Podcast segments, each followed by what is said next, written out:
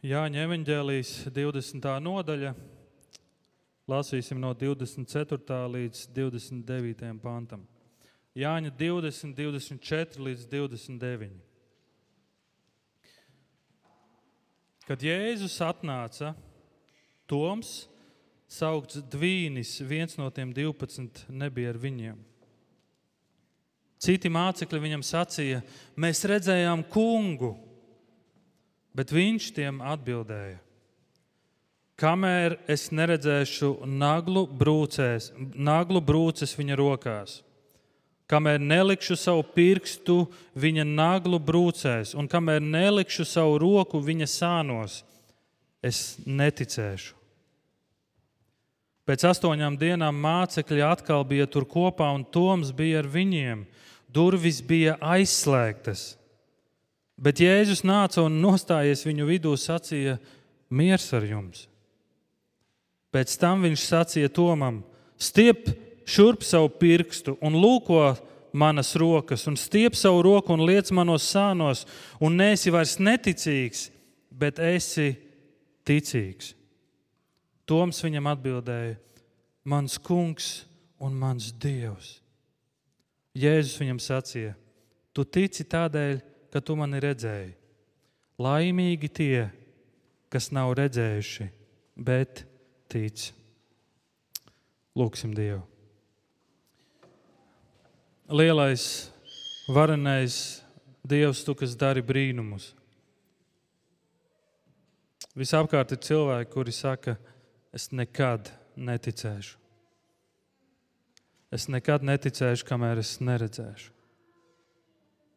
Jēzus Kristu, paldies par to, par to, ko tu esi paveicis. Paldies par tavām brūcēm, par tavām rētām, kas ir pierādījums tam, kas tu esi. Kas ir pierādījums tam, ka tu esi augšām cēlies. Jēzus Kristus ļoti lūdzu atver mūsu gara acis, lai mēs redzētu, lai mēs spētu redzēt un lai mēs ticētu. Atver mūsu gara acis un, un pamodini mūsu nogurušās dvēseles.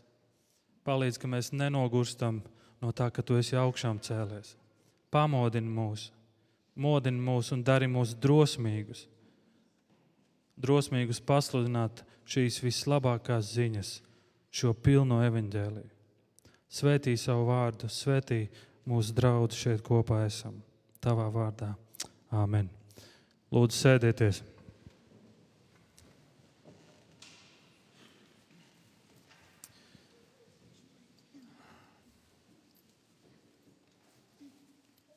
Pirms dažām nedēļām mēs ar uh, sludinātāju Markusu un vēl dažiem ticības brāļiem no Lutāņu draugas devāmies uz Ukrajinu. Mēs braucām uz Ukrajinu. Kāpēc mēs braucām? Jo bija vajadzība. Mēs braucām ar busiņiem, mēs bijām kā šoferi, mēs vedām humāno palīdzību. Bet tas nebija vienīgais iemesls, kāpēc mēs braucām. Nu, vismaz par sevi es varu teikt, tas nebija vienīgais iemesls, kāpēc es braucu. Jā, tur bija vajadzība, tāpēc es arī devos. Bet bija vēl kaut kas. Es ļoti vēlējos būt maksimāli tuvu tai vietai, kur notiek visa šī kara darbība. Es gribēju būt maksimāli tuvu šajā epicentrā. Nevis tāpēc, lai piedzīvotu karu, bet lai būtu blakus šai valstī, kas cieš tādas sāpes, lai būtu maksimāli tuvu blakus šiem cilvēkiem. Gribas būt tuvāk. Un iespējams, daudzi no jums izjūt tieši to pašu. Un tad tu lasi ziņās, prezidenti dodas uz Kijevu, un, un, lai satiktu Ukraiņas prezidentu. Un, un viena no lietām, kāpēc viņi to dara, viņi grib izrādīt atbalstu. Bet vēl viena noteikti, es ticu, vēl viens iemesls, viņi grib būt maksimāli tuvu tai vietai, kur tas notiek. Taču no Ukrainas puses ir šis aicinājums. Atbrauciet un paskatieties paši. Atbrauciet un paskatieties uz mūsu valsts rētām. Atbrauciet uz Kīvas piepilsētu Buču. Pieskaries un izdarīji secinājumus pats. Ir kādi, kas to ir izdarījuši. Pats Ukraiņas prezidents, kad viņš ir devies uz šīm vietām, mēs mēdījos redzam, kā iz, ir izmainījusies viņa seja, kā viņš to visu izjūt, kādas sāpes, skumjas. Un visi citi, kas ir braukuši uz dažādām vietām, noteikti var teikt, man vairāk nav šaubu par to, kas tur notiek. Es esmu tur bijis, es esmu tur uzkāpis, es esmu paskatījies uz šīm rētām. Rētas runā, vai ne? Piekritīt, rētas stāsta stāstus. Mārtiņš rādīja šo bildi, kas ir atgādinājums viņam vienmēr. Rētas stāsta stāstus. Ukrainas rētas. Šajā valstī ir tik daudz rētas un vēl tik daudz stāsti, kas vēl nav izstāstīti. Eiropā ir daudz rētas. Ungārijas galvaspilsētā Budapeštā pretī parlamentam ēkai pie upes ir skumja piemiņas vieta Kurpes.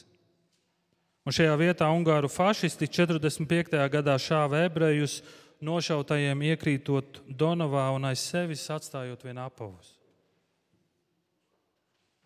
Aušvicas nāves nometne tā ir vēl viena dziļa rēta, uz kuru mēs uz kuru daudzi cilvēki dodas, lai būtu, lai mēģinātu aplūkot un iztēloties un, un vairāk saprast, kas tur ir noticis. Vai mēs to redzējām, kā tas bija tajā laikā? Nē. Bet šodien ir palikušas rētas, dažādi attribūti, kas cenšas to mūsu prātos atdzīvināt. Mēs šodien neredzam rētu svaigos nospiedumus, bet mēs lasām stāstus. Mēs dodamies, mēs skatāmies uz pieminekļiem, uz vietām, jo tās mums palīdz atcerēties un, ticiet, un ticēt. Un mēs taču uzticamies šiem vēsturiskajiem faktiem, vai ne? Mēs taču uzticamies, mēs ticam tam, ko raksta un saka vēsturnieki. Eiropā ir daudz rētas. Bet kāpēc šajā svētdienā par rētām? Šodien kristīgā baznīca svin Jēzus Kristus augšām celšanos. Mēs svinam mūsu augšām celšanos. Mēs svinam uzvaru pār nāvi. Mēs svinam to, ka mūsu kungs Jēzus Kristus ir dzīvs. Ir noticis kaut kas iespaidīgs, prātam neaptverams. Kaut kas, kas mūsu prātus katru reizi nodarbina, katru gadu, cerams, katru gadu nodarbina un liek domāt.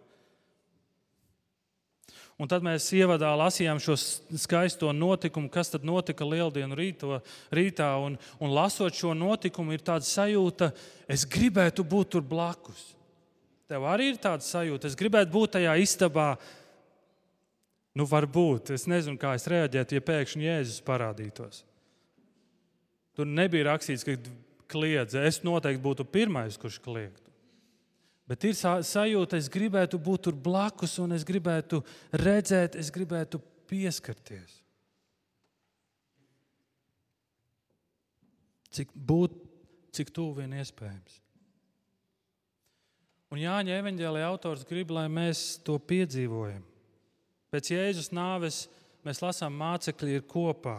Viņi ir vienā telpā, viņi ir bailēs, bailēs no jūdiem, bailēs no romiešiem, bailēs no tā, kas tagad notiks ar viņiem turpmāk. Mūsu kungs ir piesists krustā, viņš ir mīris. Viss, un tas, kā es saprotu, ar nāvi dzīvi, dzīve beidzas. Viņam bija tādas bailes, ka viņi nodrošināja sevi pietiekami, lai nelūgti viesi netiktu šajā telpā. Viņi tā nodrošināja, iespējams, viņi tā aizslēdz durvis, lai, lai kāds, ja kāds gribētu ielausties, tam vajadzētu lielu spēku. Un tad mēs lasām, un viņu priekšā nostājas Jēzus. Par kā? Durvis ir cietas. Evanģēlija autors nestāsta, ka bija stiprs spēriens un tad ienāca ne Jēzus. Nē, un tad viņu priekšā nostājas Jēzus. Lūk, augšām celtais Jēzus, tas pats ķermenis, kurā viņš nomira. Bet šis ķermenis bija citādāks. Šis ķermenis bija atjaunots. Šis ķermenis bija pagodināts. Un tas, ko mēs lasām Jāņa 20, ir, ka šis ķermenis ir, šis augšām celtais ķermenis spēja iet cauri sienām. Tikai fantastikas filmās mēs to redzam. Bet viņi, tas spēja iet cauri sienām. Taču tāpat laikā citi evaņģēlisti saka, tas nav tikai gars, tā ir arī miesa, jo viņš viņu priekšā ēd. Viņš ņēma un ēda mācekļu priekšā. Mācekļu priekšā ir augšām celtais, viņu priekšā ir pierādījums tam, kas notiks ar ikvienu, kuru Dievs augšām cels. Un tad evanģēlists pievērš uzmanību kaut kam īpašam. Jēzus rētas. Ja evanģēlīja autori to nebūtu pieminējuši, mēs par to pat nebūtu domājuši. Augšām celtais Kristus, ķermenis pilnībā atjaunots. Iespējams, mugura viņam ir pilnīgi atjaunota. Tur nav nevienas rētas. Bet tomēr jautājums, kāpēc rētas rokās? Kāpēc sānā? Kāpēc kājās? Kāpēc šīs rētas? Kāpēc šīs rētas?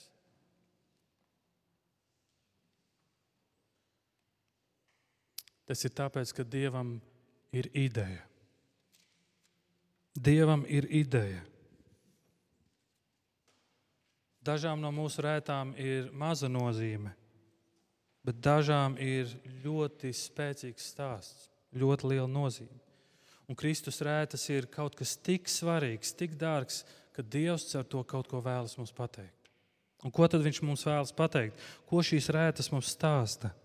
Un pirmā lieta, ko šīs rētas mums stāsta, ir, ka Kristus rētās ir patiesība. Kristus rētās ir patiesība. Mums jāatcerās, ka Jēzus Kristus mācekļi bija Jēzus sekotāji. Dien dienā viņi pavadīja laiku ar Jēzu, viņi klausījās, ko Jēzus runā, viņi redzēja brīnumus. Un, lai cik Jēzus arī necenstos viņiem mācīt patieso misiju, kāpēc viņš ir atnācis, šķiet, ka līdz galam viņi to nesaprata. Viņi gaidīja, Jēzus nāks un viņš atbrīvos mūs no Romas impērijas. Viņi nesaprata Kristus patieso misiju.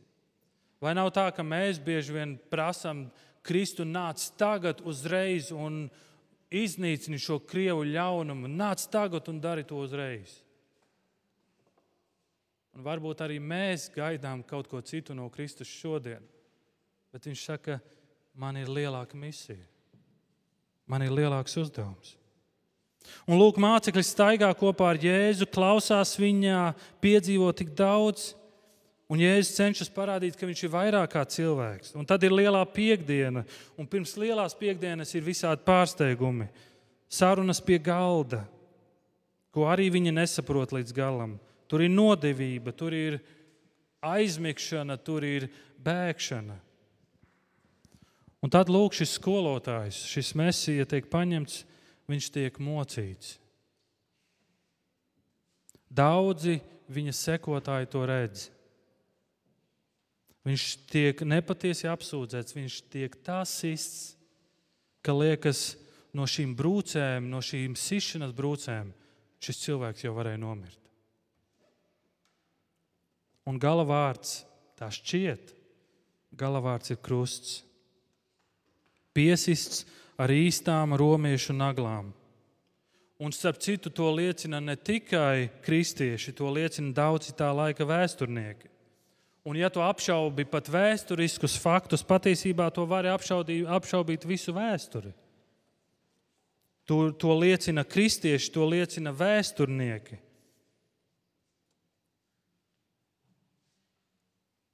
Bet gudrais Salamans saka šādus vārdus: Nav nekā jauna zem šīs saules. Nav nekā jauna zem šīs saules. Un tad Latvijas rādio saka, bet ja būs, tad jūs par to uzzināsiet. Bet Salamans saka, nav nekā jauna. Nav nekā jauna. Un Krievijas valdība turpina izplatīt spēcīgu dezinformāciju. Pat absurdā veidā, ka jebkurš cilvēks, kurš spēja kaut mazliet analizēt un salīdzināt faktus, pamanītu, vai tā ir patiesība vai meli. Nav nekā jauna šajā pasaulē, un Romas laikā bija tieši tāpat. Nekas savādāks. Jēzus augšām celšanās notikums bija tāds apkaunojums romiešu armijai, jo tur bija nolikti Romas sardze, kas stāvēja un apsargāja kapu. Un viņi piedzīvo kaut ko tik spēcīgu, ka romiešiem nav izvēle, kā izdomāt melus un dažādas versijas. Jēzus augšām celšanās bija apdraudējums šim reģionam, jo varēja sākties sacelšanās, un romieši to noteikti negribēja. Viņi negribēja, ka cilvēki iziet ielās. Viņi to nevēlējās. Un tad es domāju, cik daudzi romiešu kareivi tika nogalināti tikai tāpēc, lai nepasludinātu patieso informāciju. Tika darīts viss, lai šis augšām celšanās notikums tiktu, tiktu noklusēts. Noteikti tika meklēts cits līķis, lai, parā, lai teiktu, lūk, skatieties, Jēzus ir miris. Viņiem tas neizdevās. Un tad tika izteiktas daudzas citas versijas, ko, ko viņi apgāza. Viņi teica, tas, ko mācekļi sludina, tā, tā ir meli, tā nav patiesība. Patiesībā viņi redzēja halucinācijas. Daudzi to joprojām saka, tā bija halucinācija. Bet paklausies, ko Pāvils 1. korintiešiem 15 raksta. Vispirms es jums nodevu to, ko pats esmu saņēmis. Kristus mira par mūsu grēkiem pēc rakstiem un tika guldīts kapā, un trešajā dienā augšām cēlās pēc rakstiem, un parādījās kēfam, pēc tam tiem 12, pēc tam parādījās vienlaikus vairāk nekā 500 brāļiem. No kuriem lielākā daļa vēl ir dzīvi, bet daži jau aizmiguši. Pēc tam parādījās Jēkabam, pēc tam visiem apstuļiem, un kā vispēdējiem viņš parādījās man kā tādam priekšlaicīgi dzimušam. Jēzus vienlaicīgi parādījās pēc augšām celšanās 500 cilvēkiem. Un ja tu pajautātu cilvēkam, kurš ir profesionālis savā jomā, kurš ir studējis halucinācijas, viņš teiktu, jā, halucinācija ir iespējama, bet ne 500 cilvēkiem vienlaicīgi. Bet ne 500 cilvēkiem vienlaicīgi. Šis notikums ir tik neapgāžams, tik faktu pilns, ka mēs droši varam teikt un apgalvot, ka Kristus ir augšām cēlēs. Tā ir patiesība. Tā ir patiesība. Šodien šī propaganda nav beigusies. Es nesen Twitterī lasīju uh, daudzu latviešu neapmierinātību par to, kāpēc Latvijā lieldienu laikā ir brīvdienas. Un tad tev vajag palasīt šo, šo sarakstu. Vispār kādā sakarā jāiet strādāt, kristieši paņēmuši lieldienas priekš sevis un, un, un ko viņi vispār iedomājas. Tad tur kādi uzrodas un vispār lieldienas ir pagānu ticības notikums un viņi grib to vilkt sev. Un tad kāds cits raksta un saka, zini, kā tu vispār pagānismu nepiemini, nedod Dievs, ja pagānisms atgriezīsies Latvijā, vispār būs ziepes. Un tad tur redzi šis saraksts, un tur redzi tāds dusmas, tāds rūkums. Un es saprotu, kāpēc kādi baznīcu vadītāji ir izteikuši šo apgalvojumu par abortiem. Un daudzos ir emocijās, viņi izsaka šīs dusmas, un viņi saka, mēs būtu gatavi noslaucīt baznīcu no Latvijas. Kāpēc lieldienas? Jo Kristus nav. Kristus vispār neeksistē. Kāda augšām celšanās? Un tāpēc Dievs ir atstājis rētas. Kāpēc? Jo Dievs atstāja pierādījumus. Dievam ir svarīgi pierādījumi. Kristietība nav akla ticība. Mēs šeit nesludinām un nesakām vienkārši tici, nepārbaudi, nejautā. Kristietība nav akla ticība. Kristietībā mēs aicinām analizē, skaties, lasi, jautā, uzdod jautājumus, meklē atbildes, kas ir šis cilvēks. Ko mēs šeit visu katru svētdienu sludinām? Jēzus, Jēzus. Un šodien Kristus ir augšām cēlies. Kas ir šis cilvēks? Uzdod šos jautājumus. Un ieraugi, kādus pierādījumus Dievs dod. Kādus pierādījumus? Jēzus skaidri apzinājās, ka būs laiks, kad šeit Vīlāns ielā būs baznīca. Viņš to zināja. Būs laiks, kad šeit Vīlāns ielā būs baznīca, un kad tu šajās lieldienās ienāks šajā baznīcā. Tu sēdēsi šeit un tu dzirdēsi šo vārdu. Šos vārdus Kristus ir augšām cēlējis. Tāpēc viņš bija mācekļu priekšā, un tāpēc viņš rāda rētas, un viņš saka, skatieties, tas esmu es. Nē, esi neticīgs, bet esi ticīgs. Paskaties, tas esmu es. Nē, esi neticīgs, bet esi ticīgs. Rētas liecina par to, ka Jēzus ir dzīvs. Tas ir tas pats Jēzus. Rētas mums stāsta, ka tā ir patiesība. Ko vēl rētas stāsta? Rētas mums stāsta, ka tā ir dāvana. Ka tā ir dāvana. Kad Jēzus ienāk šajā slēgtajā telpā, viņš ienāk ar vārdiem, viņš saka, miers ar jums. Miers ar jums. Un šis, ir, šis nav vienkārši vēlējums, šis ir tāds miers, ko mēs ik viens vēlētos saņemt. Un te ir jūtams prieks, te ir jūtama atkal satikšanās mīlestība. Un, kad Jēzus rāda savas rētas, viņš vēlas, lai mācekļi ir pārliecināti, lai viņi vairs nebaidās, lai viņi ir drosmīgi un lai viņiem vairs nav jāslēdz durvis un jāsēž telpā, bet lai viņi slēdz vaļā un iziet no šīs telpas ārā. Rētas mums palīdz nu, saprast, ko nozīmē Jāņa 3.16. Jo Dievs tā pasauli mīlēja. Kā? Paskaties uz rētām. Paskaties uz rētām. Tā viņš ir mīlējis pasauli. Pāvils 2. korintiešiem 12. nodaļā viņš raksta šādus vārdus: Tādēļ, lai es nepaukstinātos, man ir dots zelonis miesā, sātana eņģelis. Tas mani sit, lai es pārlieku nepaukstinos. Es trīs reizes esmu piesaucis kungu, lai sātana eņģelis no manis atstājas. Un kungs man sacīja, tev pietiek ar manu žēlastību, jo mans spēks to pilnīgs nespējā. Tev pietiek ar manu žēlastību. Arī Pāvils savā rētās ierauga svētību, viņš ierauga dāvanu tajā. Rētas ir dāvana. Tu esi dzirdējis, rētas izdaļo vīriešu. Esat dzirdējuši? Ja? Tev tā ir teikts, man tā ir teikts. Mārtiņ, tu par savu rētu esi domājis, kā tas man izdaļo. Es nezinu, vai tā ir patiesība. Es atceros, ka Mārtiņš pirmoreiz atnāca uz garāžu uz treniņu. Tur citi džeki baigi nosvīduši un krēkliņus nomet nost un tā tālāk. Mārtiņš nesteidzās.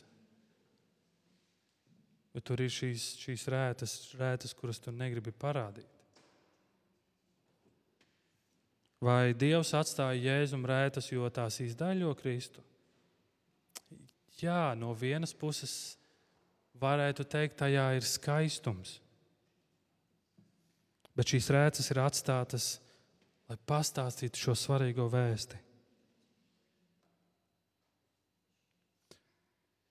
Ukrainā būs ir daudz rētas. Daudziem kareiviem ir daudz rētas. Un šīs rētas viņam atgādinās, cik brīvība maksā dārgi un nākamajām paudzēm viņi stāstīs, kad nākamā jaunā paudze jautās, klausies, kāpēc, kāpēc tev šī rēta, viņš teiks, viņš sāks stāstīt stāstu par to, kā mēs kādreiz cīnījāmies par mūsu brīvību. Tas maksāja mums dārgi. Tāpēc neiznieko to, neiznieko, neiznieko šo brīvību. Kas par to atgādinās? Tās ir rētas. Bet ir rētas, kuras mēs slēpjam. Arī mātēm, kas ir dzemdējušas, ir rētas, kuras mātes slēpj. Bet šīs rētas stāsta kaut ko ļoti, ļoti svarīgu. Tas bija to vērts. Tu esi dārgs, tu esi ļoti mīlēts. Šajās rētās ir patiesība, un šīs rētas parāda, šī ir dāvana. Gredzena pavēlnieka autors Tolkiens, šis e, angļu rakstnieks un dzinieks un arī psihologs, savā vēstulē raksta, ka Dievišķais sots ir arī dievišķa dāvana, ja tā tiek pieņemta. Jo tā mērķis ir vislielākā svētība, un radītāja augstākā izdoma liks sodiem radīt labumu, ko citādi nevar sasniegt. Tolkiens raksta, ka dievišķais sots ir arī dievišķa dāvana, ja tā tiek pieņemta. Ja tā tiek pieņemta. Jē, Dievs atstāja Jēzu rētas viņa miesā, lai mums atgādinātu, cik dārga dāvana tā ir. Jēzus nāve un augšām celšanās ir mums dāvana. Un Pāvils Efeziešiem 2. nodaļā, 8. pantā raksta, jo žēlastībā jūs esat izglābti caur ticību. Tas nenāk no jums, tā ir Dieva dāvana. Skaties, dāvana tev! Vai es esmu to pelnījis? Nē. Viņš mīra pie krusta, jo es biju to pelnījis. Es biju pelnījis būt viņa vietā. Bet tā ir dāvana. Kāds pāris no ASV bija misionāri Āfrikā 15 gadus. Un viņi sākotnēji strādāja ar, ar aids bāriņiem un nodrošināja resursus medicīnas programmām. 15 gadus viņi strādāja Āfrikā. Tas bija svarīgs darbs, un viņiem abiem ļoti patika to darīt. Bet tad pēc šiem 15 gadiem šim vīram tika diagnosticēta ļoti reta slimība. Progresējošs neiroloģisks traucējums, kas ietekmē perifēro nervu sistēmu. Tā ir muskuļu novājēšanas slimība, kas galvenokārt skar kājas un rokas. Viņa kājas un rokas ir vājas, viņš vairs īsti nevar pakustēties. Viņš kļūst vājāks un vājāks. Un šajā brīdī viņi saprata, ka viņi vairs nevar turpināt šo misiju, un viņiem bija jādodas atpakaļ uz mājām, uz Mičiganu. Un kādu dienu, um, esot mājās, viņi gaidīja rindā CSDD, nu, Amerikā tas sauc citādāk, lai atjaunotu vadītāju apliecību. Un viņi nejauši dzirdēja, ka viņi dzirdēja apkārtējo cilvēku sarunas. Un lielākā cilvēku daļa bija viesstrādnieki no Meksikas. Un šie meksikāņi centās iegūt legālas autovadītāja apliecības. Bet tā kā viņiem neviens nepiedāvāja tulkojumu, viņiem bija ļoti grūti gūt kādus panākumus. Un tad šie bijušie misionāri piedāvāja viņiem savu palīdzību, un viņi un sāka runāt ar viņiem. Ar tiem meksikāņiem, kas gaidīja rindā, viņi sāka uzsāka sarunas, viņi palīdzēja ar tulkošanu, un visiem izdevās. Viņi ieguva legālas autovadītāja apliecības. Un tā viena lieta novada pie citas, un tad viņi izdomāja, mēs uzaicināsim šos meksikāņus vakariņās. Ieradās 40 meksikāņi. Tas viss izvērtās kā tāda liela fiesta lieli svētki. Un lūk, ko šī sieva raksta. Mums bija jāīrē šķūnis, un mūsu bērni palīdzēja ar spēlēm un desertiem. Mēs nolīgām brīnišķīgu kristiešu meksikāņu vīrieti, kurš pagatavoja visgaršīgāko, autentisko meksikāņu maltīti ar meksikāņu dzērieniem un brīnišķīgu mūziku. Fiestā! Un, ziniet, šie meksikāņi gribēja to darīt vēlreiz, un vēlreiz, un vēlreiz. Tagad misionāru pāris kopā ar vairāk nekā 60 brīvprātīgajiem no deviņām tuvējām baznīcām rīko fiestu aicinot šos viestrādniekus uz lielisko ēdienu. Šī vīra slimība bija aizvērusi durvis vienai dzīvei, bet pavērusi to pilnīgi jaunam posmam. Un tieši caur šo viņa brūci šie meksikāņi ir atraduši jaunu dzīvi, dzīvi, kas nodzīvota starp nepamanītajiem un ignorētajiem. Šīs rētas deva iespēju jaunai dzīvei. Un ne tikai viņiem, bet daudziem, daudziem citiem. 13. gadsimta persiešu dzinieks Rūmī raksta šādus vārdus: Ciešanas ir dāvana, tajā ir apslēpta žēlastība. Tajā ir apslēpta žēlastība. Un mācekļi, kuri redz Jēzu Kristu stāvam viņu priekšā, to labi apzinās. Kāpēc? Jo viņu priekšā stāv augšām celtais, kurš rāda savas rētas. Rētās ir patiesība, un rētas parāda, ka tā ir dāvana. Dārga dāvana, bet, bet, bet ir kāda problēma. Ir problēma. Un to mēs varam ieraudzīt šajā tekstā. Jāņa 20. nodaļā, kad pirmo, kad pirmo reizi Jēzus parādās mācekļiem, atcerieties, viņš parādījās saviem mācekļiem, viņš rāda rētas, bet kas tur nebija? Tur nebija Toms. Un pēc tam, kad Toms dodas un viņš satiek savus kolēģus, šie kolēģi saka, mēs kungu redzējām. Mēs redzējām kungu. Un lūk, ko atbild Toms. Lūk, Toma ultimāts. Kamēr es neredzēšu naglu brūcēs viņa rokās, kamēr nelikšu savu pirkstu viņa naglu brūcēs un kamēr nelikšu savu roku viņa sānos, es neticēšu. Draudze ir problēma. Mūsu sabiedrībā ir liela problēma. Un tā ir neticība. Ir problēma. Un mēs varētu teikt, cik labi, ka es neesmu Toms. Vai ne? Cik labi, ka es neesmu Toms, ka man nav šaubu, ka man nav jautājumu. Man nav jautājumu par to, kas notiek Ukrajinā. Man nav nekādu šaubu par to, man nav jautājumu dievam, man viss ir skaidrs.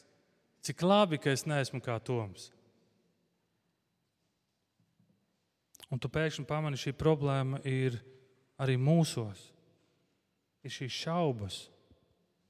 Vai tiešām, vai tiešām Dievs dzird manas lūgšanas? Dievs miljoniem cilvēku lūdz par Ukrajinu. Dievs, kāpēc tu klusē? Dievs, kas notiek? Vai es esmu drošībā? Dievs, kāpēc šī cīņa manā dzīvē, kāpēc šis grēks, kāpēc es ar to netieku galā? Dievs, un kāpēc šī slimība, Dievs, un, un, un šie visi jautājumi? Un tad mēs lasām, ka pēc astoņām dienām notiek kaut kas. Bet Toms šaubās, vai viņam bija pamats šaubīties? Toms ir māceklis, kurš ir ļoti daudz laika pavadījis ar Jēzu. Ļoti daudz laika pavadījis ar Jēzu. Un viņš ir dzirdējis vārdus, ko Jēzus saka: Es esmu dzīvības maize. Bet tad viņi atņēma Jēzum dzīvību. Jēzus ir teicis, patiesība darīs jūs brīvus, un tad viņi Jēzu pienaglo pie krusta. Jēzus teica, viņš ir labais gans, bet pats viņš tika vests kā aus uz nokaušanu. Un tad Jēzus teica, es jūs nekad neatstāšu, un tad Jēzus tiek paņemts prom, piesis krustā un nomirst, un mācekļi paliek vieni paši. Vai to man bija pamats šaubām? Vai bija pamats neticībai? Kamēr es neredzēšu, es neticēšu. Un tā trešā lieta, ko es gribu, lai mēs ieraugam, ka rētās ir risinājums. Pēc astoņām dienām mācekļi atkal bija tur kopā, un Toms bija ar viņiem. Durvis bija aizslēgtas, un Jēzus nāca un nostājies viņu vidū, sacīja: Mieres jums! Un pēc tam viņš sacīja Tomam, Jūs zināt, ko Jēzus sacīja Tomam? Tieši tos pašus vārdus, ko Toms izteica, apšaubot Jēzu Kristu. Stiep šurp savu pirkstu un lūko manas rokas, un stiep savu roku un liec manos sānos, un nesi vairs neticīgs, bet esi ticīgs. Jūs redzat, kas šeit notiek, ko, ko Jēzus parāda. Viņš ir klātesošs, viņš zina mūs, kad mēs uzdodam šos lielos un svarīgos jautājumus. Viņš ir klāt, kad mēs šaubamies, viņš ir klāt, kad mēs uzdodam jautājumus, Dievs, kur tu esi, kāpēc tu nesi. Jo viņš bija klāt, kad Toms uzdeva šo ultimātu, kamēr es neredzēšu, kamēr es nepieskaršos, es neticēšu. Mateja evanģēlijas sākums. Eņģelis atnāk un saka, prieka vēsties jums pasludinu. Piedzims dēls, un jūs viņa vārdu sauksiet kā? Immanuēls. Zini, ko nozīmē Immanuēls? Dievs ir ar mums. Rētās ir risinājums. Un Jēzus parāda, es esmu blakus arī tad, kad tu šaubies. Es dzirdu tavas lūgšanas, es dzirdu tavus jautājumus. Es zinu tavas šaubas. Bet tāpēc Dievs ir atstājis rēcas, lai mēs nedzīvotu šaubās, lai mēs nedzīvotu neticībā, bet lai mēs redzētu un ticētu.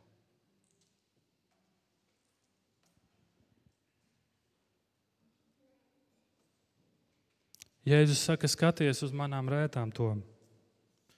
Dievs ir saglabājis rētas tom, lai tu, lai es tevi pārliecinātu. Bet šīs rētas nav tikai, lai mūs pārliecinātu. Jūs zināt, kāda ir Toma atbilde?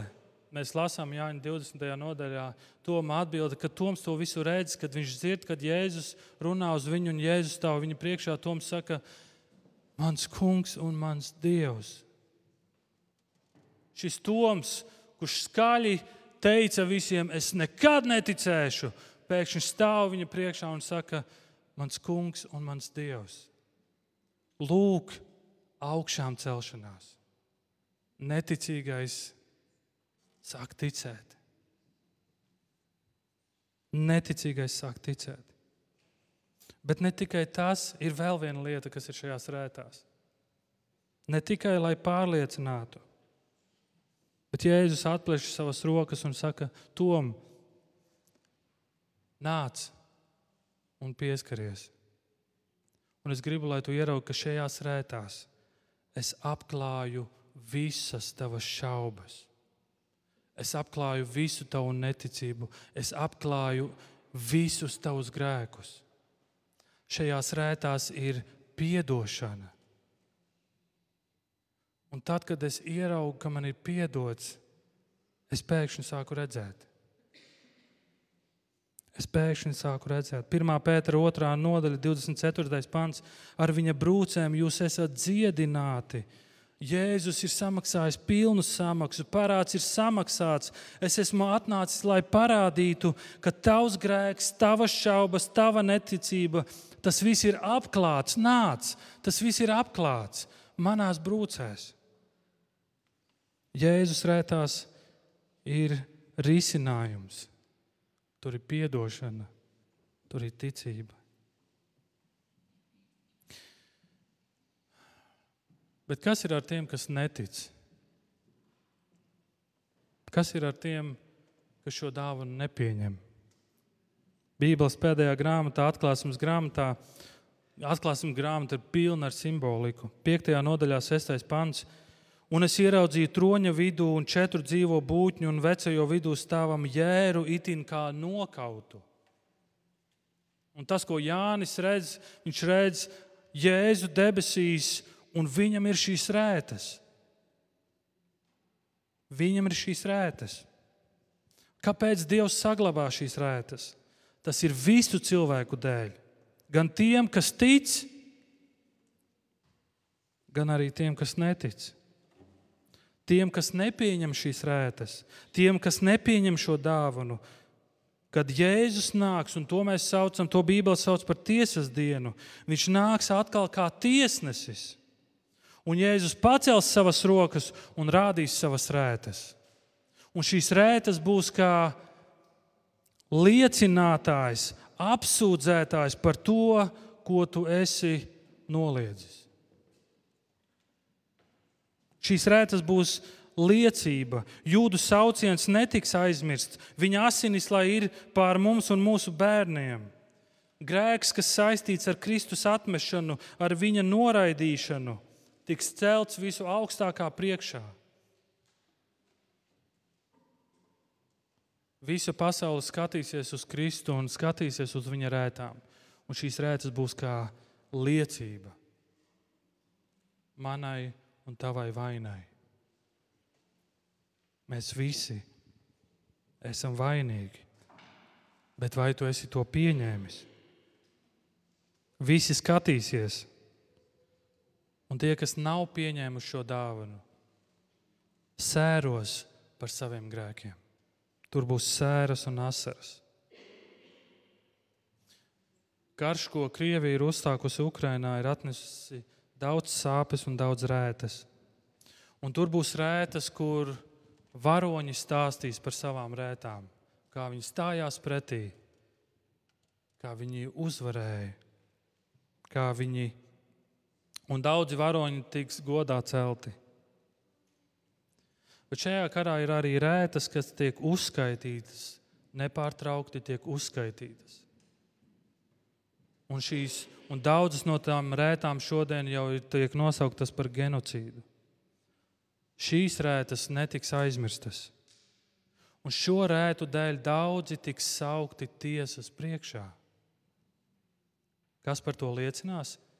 Šīs rētas. Šīs rētas to liecinās un teiks, vainīgs.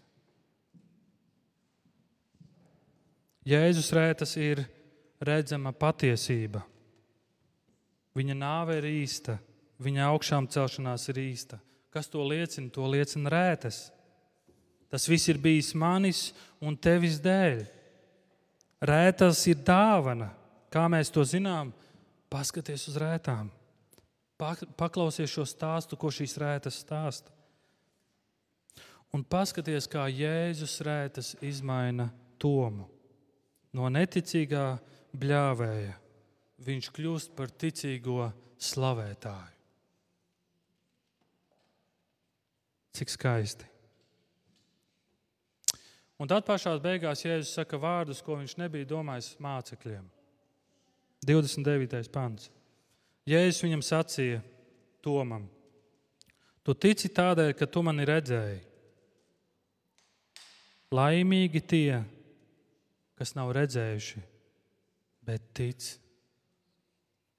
Laimīgi tie, kas nav redzējuši, bet tic. Bija vēl arī kādi citi, kas nebija redzējuši Jēzu,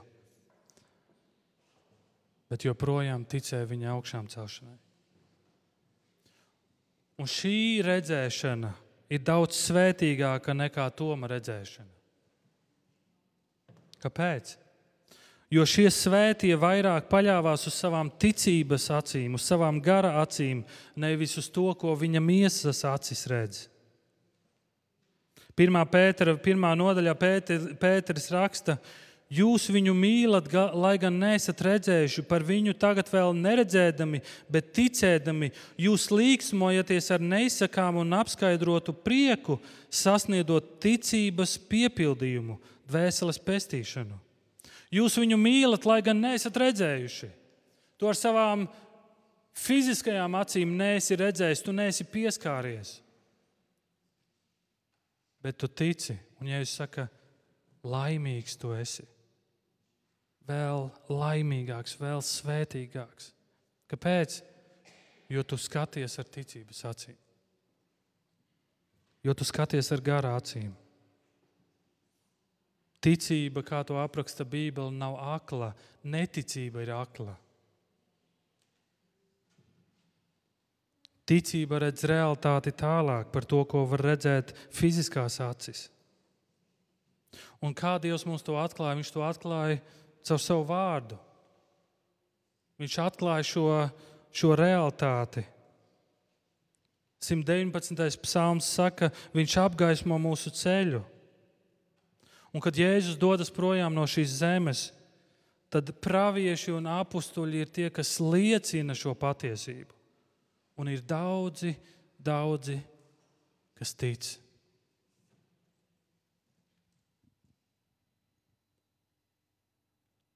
Ticēt nozīmē patiesi redzēt.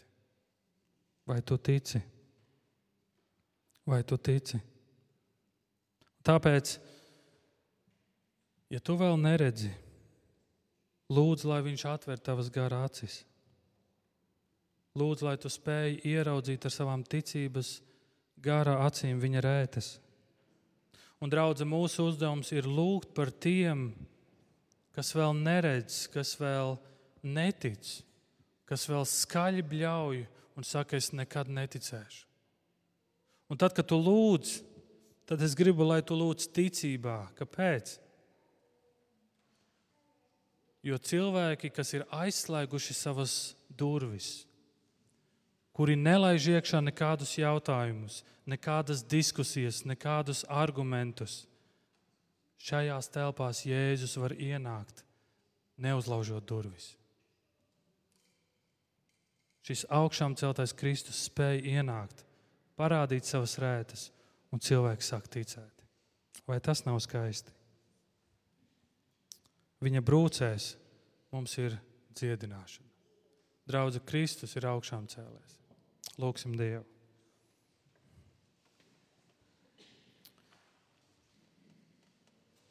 Jēzus Kristu, paldies Tev par šodienas vārdu, paldies par to, ko Tu mums atgādini.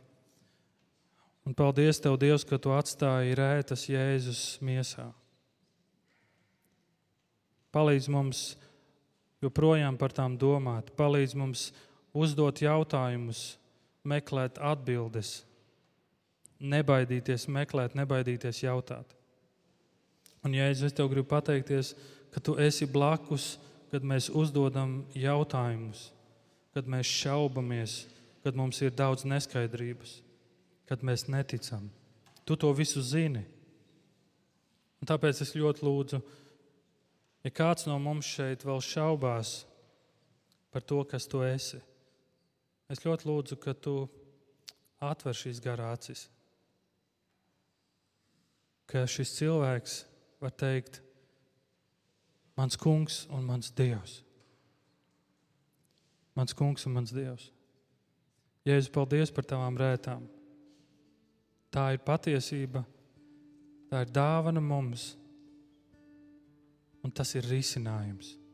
Un tāpēc iedrošina mūs, dari mūs tik drosmīgus, ka mums vienalga, ko cilvēki par mums domā, ka mēs ejam un stāstam to tiem, kas netic, tiem skaļiem bļāvējiem, dod mums gudrību, kā tevi pasludināt.